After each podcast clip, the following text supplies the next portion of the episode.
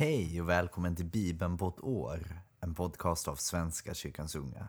Jag heter Oskar och välkommen denna tisdag.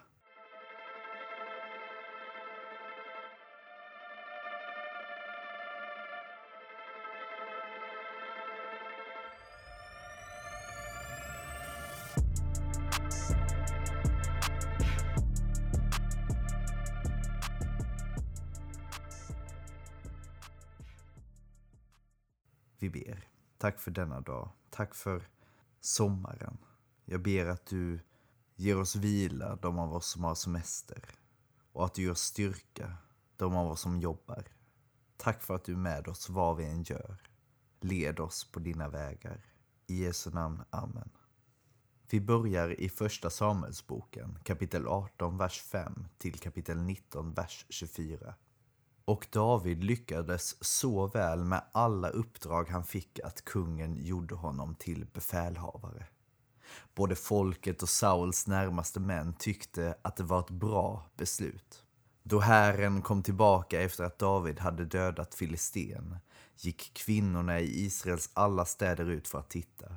Och danserskor mötte kung Saul med glädjerop och tamburiner och tresträngade lyror. De jublande kvinnorna sjöng. Saul har slagit tusen, David tiotusen.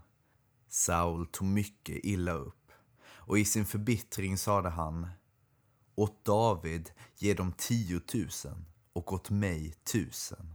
Nu fattas honom bara kungamakten. Från och med nu hade Saul ögonen på David. Följande dag överfölls Saul av en ond ande från Gud och bar sig åt som en besatt inne i sitt hus. David spelade lyra som han brukade göra varje dag. Saul hade ett spjut i handen och höjde det. Jag ska nagla fast David vid väggen, tänkte han. Men David vek undan två gånger. Då blev Saul rädd för honom, eftersom Herren var med David men hade vänt sig från honom själv. Han ville inte längre ha David i sin närhet utan gav honom befälet över tusen man. David ledde sina män i strid och lyckades väl i alla sina företag, ty Herren var med honom. Saul såg hans stora framgångar och blev skrämd. Men alla i Israel och Juda älskade David, som ledde dem i striden. Saul sade till David, min äldsta dotter Merav, henne ger jag dig till hustru. Om du visar dig tapper i min tjänst och utkämpar Herrens krig.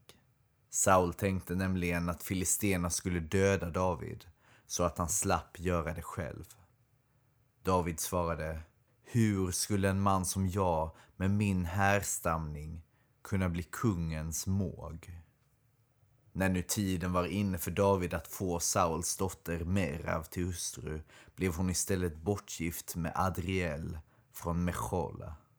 Men Sauls dotter Mikael blev kär i David och då man berättade det för Saul tyckte han att det var bra. Han tänkte, jag ger honom Mikael. Hon ska bli ett lockbete som gör honom till ett lätt byte för filisterna. Därför erbjöd han nu för andra gången David att bli hans måg.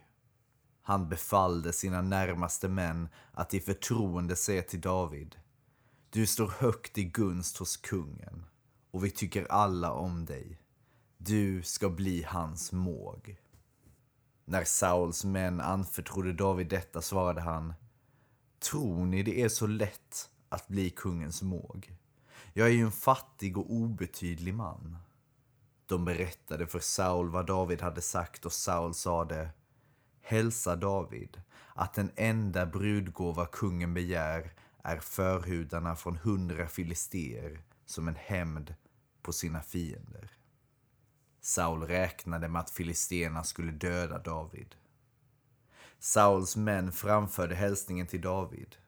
Han tyckte att det var bra att få bli kungens måg för sådana villkor.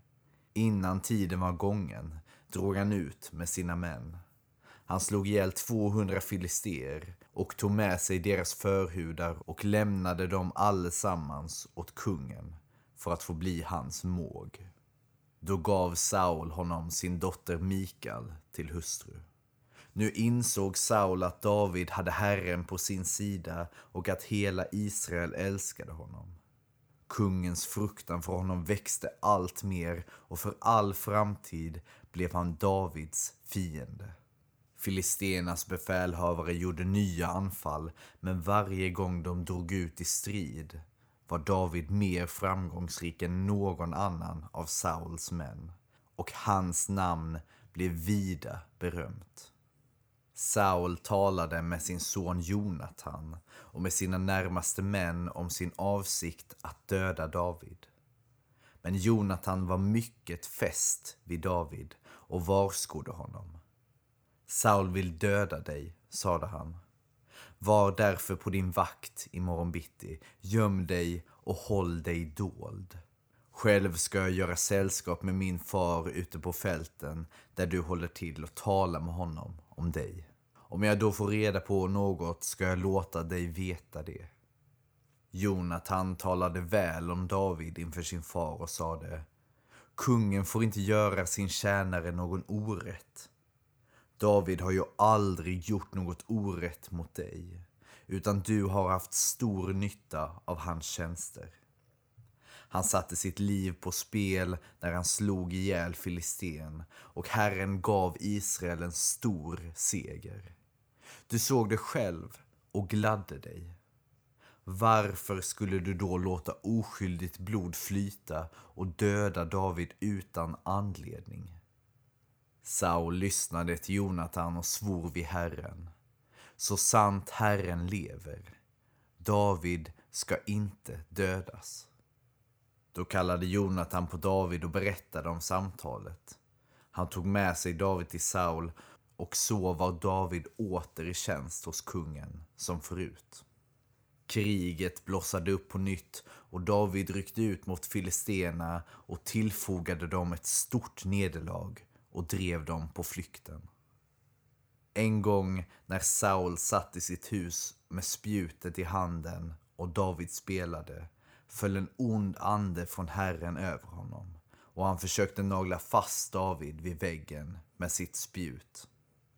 Men David vek undan för honom och spjutet träffade väggen.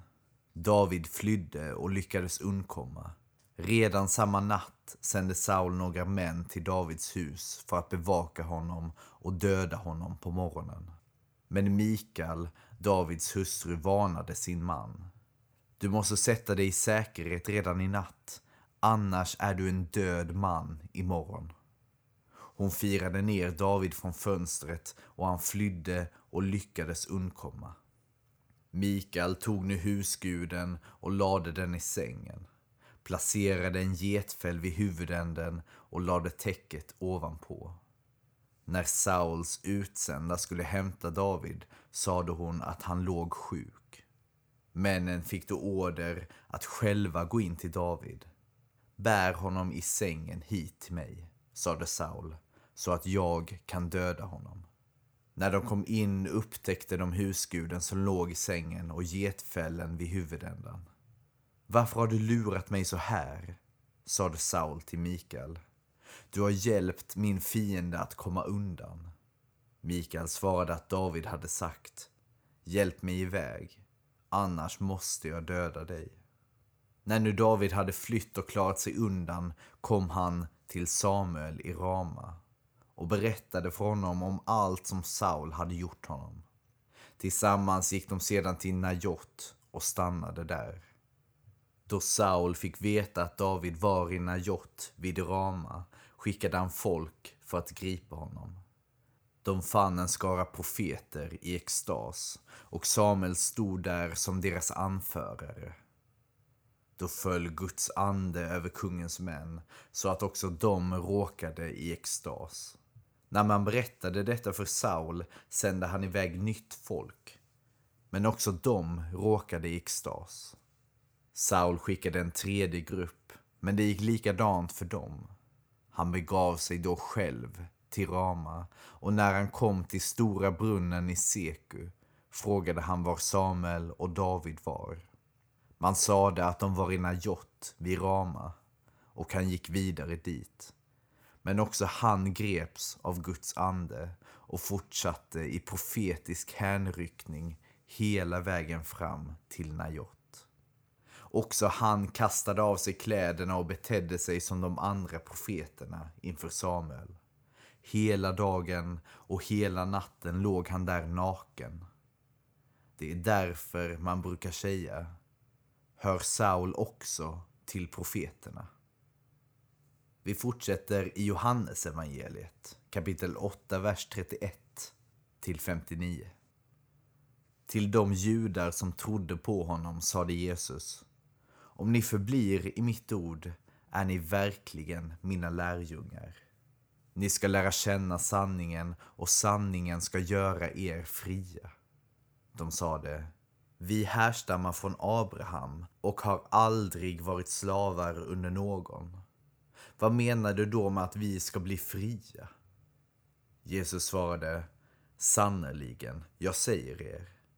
Var och en som syndar är slav under synden.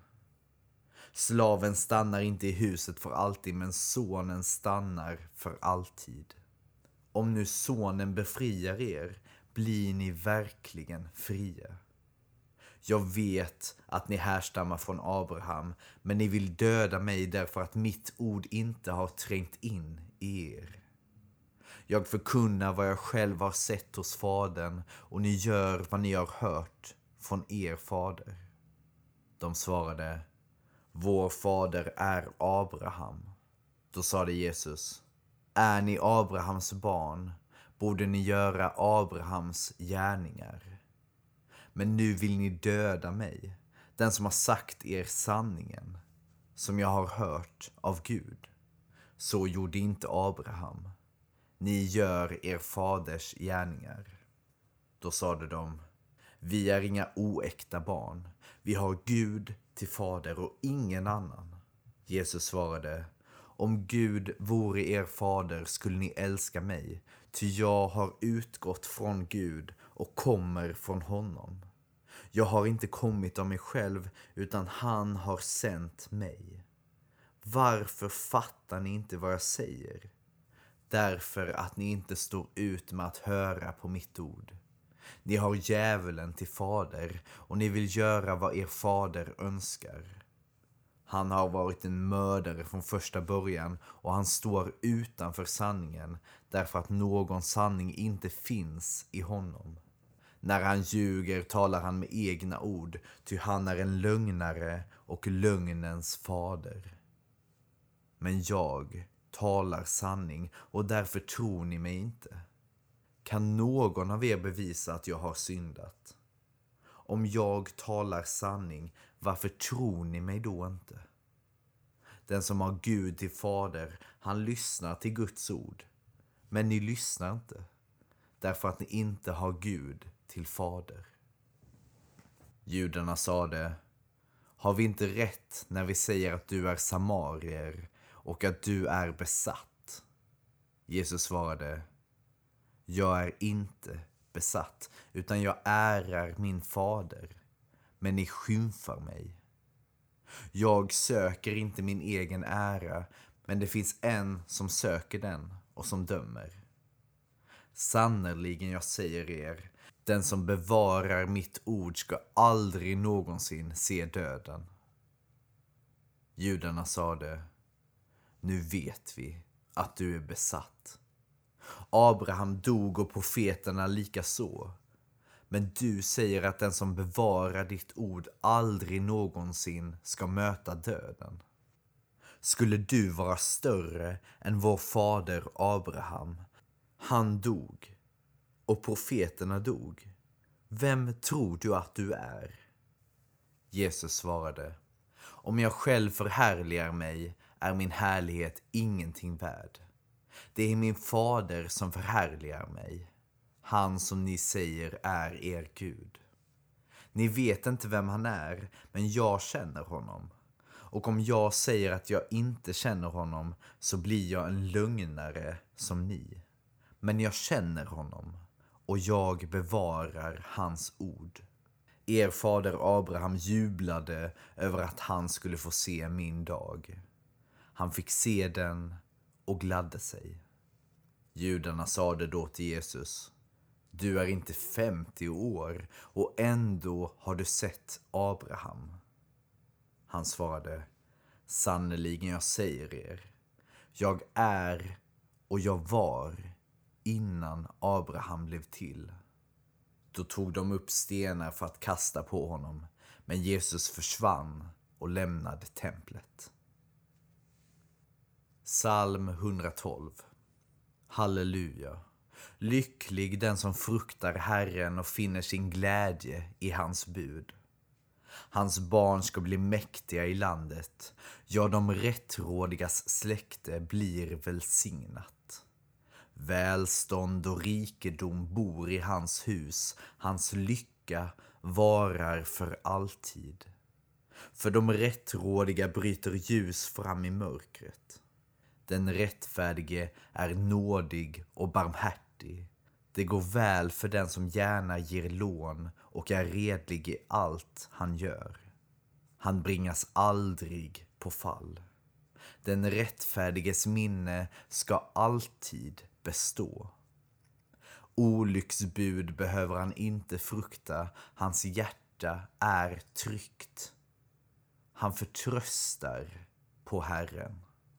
Hans hjärta är lugnt han är utan fruktan.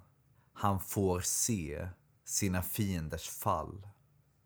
Han strör gåvor över de fattiga. Hans lycka varar för alltid. Han blir upphöjd och ärad. Den gudlöse ser det med grämelse. Han skär tänder och tynar bort. De gudlösas hopp blir till intet. Och vi avslutar i Ordspråksboken, kapitel 15, vers 12 till 14. Hädaren ogillar klander. Han söker sig ej till de visa. Glatt hjärta ger ljus uppsyn. Sorg skapar modlöshet. En klok man söker kunskap. Dåren ägnar sig åt dumt prat. Det var allt för idag, kära vänner. Ha en fin dag. Ta hand om er. Hej då.